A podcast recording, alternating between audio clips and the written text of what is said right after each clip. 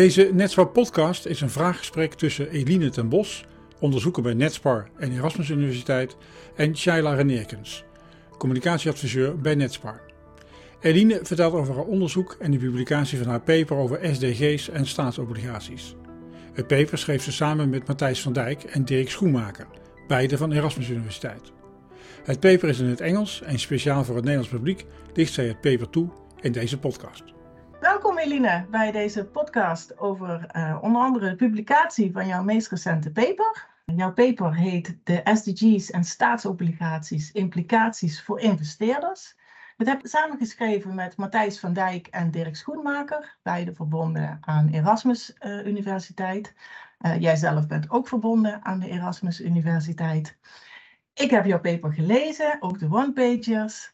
Kun je onze luisteraars in het kort even een samenvatting geven van jouw paper? Oké, dus in ons artikel onderzoeken wij eigenlijk uh, de relatie tussen duurzaamheid en staatsobligaties. Dus de vraag die wij heel interessant vinden is: landen die het heel goed doen op duurzaamheid, hebben die ook of betalen die ook een lagere rente op hun overheidsschuld? Dat is eigenlijk de hoofdvraag van ons artikel.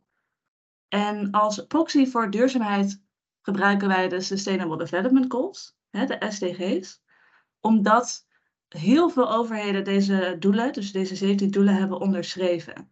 Dus heel veel overheden hebben gezegd, die 17 doelen vinden wij belangrijk en die willen wij voor 2030 gaan halen.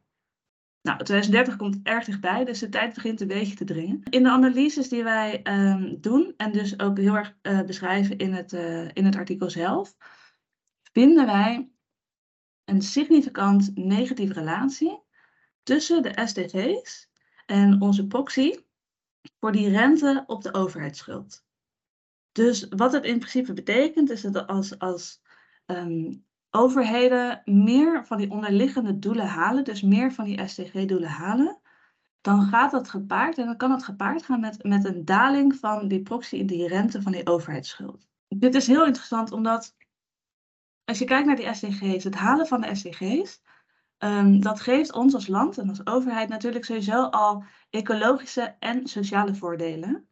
Uh, maar onze resultaten suggereren eigenlijk um, dat er dus potentieel voor overheden ook een financieel voordeel zit aan het behalen van die SDG's.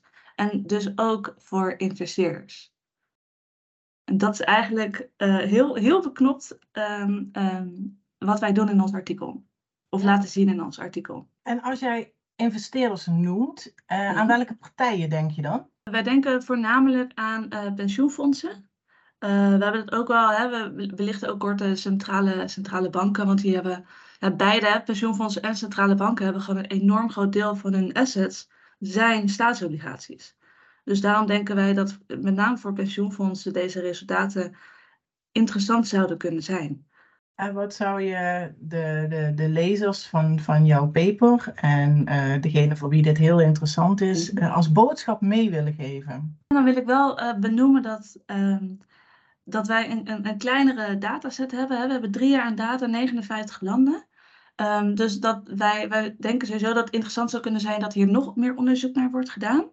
Maar gewoon met de, met de resultaten die wij hebben, vinden wij dus een negatieve relatie tussen die SDG's en, en die, die staatsobligatiespreads. En wat we dus willen meegeven is dat het heel interessant kan zijn om dus die SDG's te gebruiken of mee te nemen of te begrijpen in zo'n beleggingsproces. Omdat blijkbaar zit daar iets. En dat is natuurlijk voor, voor pensioenfondsen, maar ook voor staatsobligatieanalisten, portefeuillemanagers. We willen natuurlijk weten wat drijft die staatsobligatiespreads? Wat, wat, drijft, wat drijft die rente? En het, het laat dus in ieder geval onze relatie laten zien dat er potentieel een, een relatie kan zijn tussen, tussen, tussen de duurzaamheid en die spread. En dat neem ik aan dat heel interessant kan zijn voor investeerders hierin. Ja, het klinkt ook als potentieel nieuw onderzoek. Nou, het klinkt als potentieel nieuw vervolgonderzoek. Dus zeker omdat we natuurlijk, uh, wij, kwamen een beetje in de problemen met, uh, met COVID. Die had uh, veel van de macro-economische variabelen die wij gebruiken om te, te controleren voor traditionele factoren die normaal al rentes bepalen. Dat kwam bij ons een beetje in het, in het geding, omdat die zo'n grote, hè, COVID had zo'n groot impact daarop, dat wij niet heel veel meer jaar in onze analyse mee konden nemen. Dus inderdaad, het, het het, is erg interessant om daar nog verder uh, onderzoek naar te doen met iets meer uh, jaren. Moet ik wel eerlijk zeggen dat wat wij heel erg zien nu in de academische literatuur, is dat men een beetje weggaat van het gebruiken van hè, een index. Men is toch op dit moment erg geïnteresseerd naar wat meer directere impact. Dus hè, dat hebben we gezien met CO2 natuurlijk. Wat is nou de impact van CO2 op um, of aandelen of credits of staatsobligaties wellicht?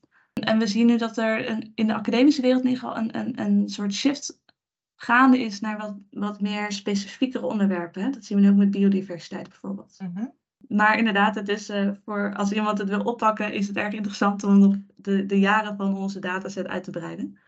Om te kijken hè, of er wellicht wat uh, nog sterkere relatie uh, zichtbaar is. En welk potentieel onderzoek ga jij nu oppakken of ben je nu momenteel mee bezig? leuke vraag.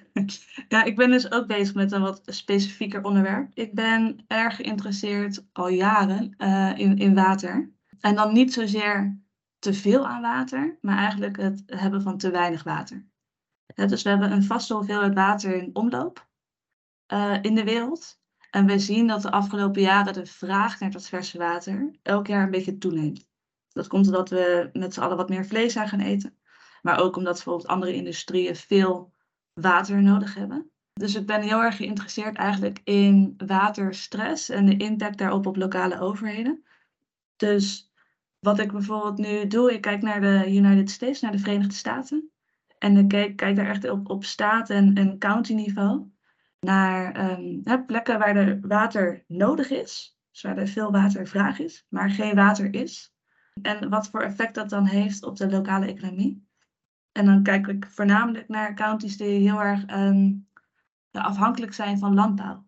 Want landbouw is toch de, ja, voor bijna 80% de grootste vrager van water. Um, dus dat is nu eigenlijk mijn, uh, mijn, mijn, mijn focus point. Hè? Dat, dat, dat, ja, het waterschaarste, waterstress en de impact daarvan. Heel interessant. Want ik zag op je LinkedIn ook inderdaad staan, Eline ten Bos, uh, geïnteresseerd in virtual water. Dus ja. ik denk dat dat helemaal ja. treffend samenvat wat je net, uh, wat je net vertelde. Ja, dat virtual water is echt dat uh, onzichtbare water. Hè, dus wij als consument gebruiken natuurlijk redelijk wat water. En vaak denken we dan eigenlijk alleen maar aan um, het, het, water wat wij gebruiken om het toilet door te spoelen of um, om onze handen te wassen. Maar ook in ons eten zit natuurlijk heel erg veel water. En dat is een, uh, dat, ja, dat heet virtual water, het onzichtbare water in onze kleding en ons eten. En dat vind ik een erg interessant onderwerp. Ja. Nou, mooi, mooi om, uh, om daar onderzoek naar te doen. Ehm, dat gaat denk ik weer, wederom via Erasmus, via Netspar. Uh, het gaat wederom via Erasmus, inderdaad. Ja, ik ben nu in mijn vierde jaar van mijn promotietraject. Dus mijn eerste um, onderzoek heb ik inderdaad gedaan naar de SDG's en staatsobligaties. Dat ligt erg nauw naar mijn hart, omdat ik uh, voor mijn PhD een staatsobligatieanalist ben geweest. En um, nu ja, eigenlijk altijd al heb ik daar heb ik eh, gezegd, ik ga beginnen met deze relatie met duurzaamheid en staatsobligaties. Dat is ook de reden waarom ik ben, uh, deze PhD ben gaan doen. Maar daarna ga ik iets doen met water. En um, nog steeds in de fixed income wereld, dus nog steeds kijken naar bonds.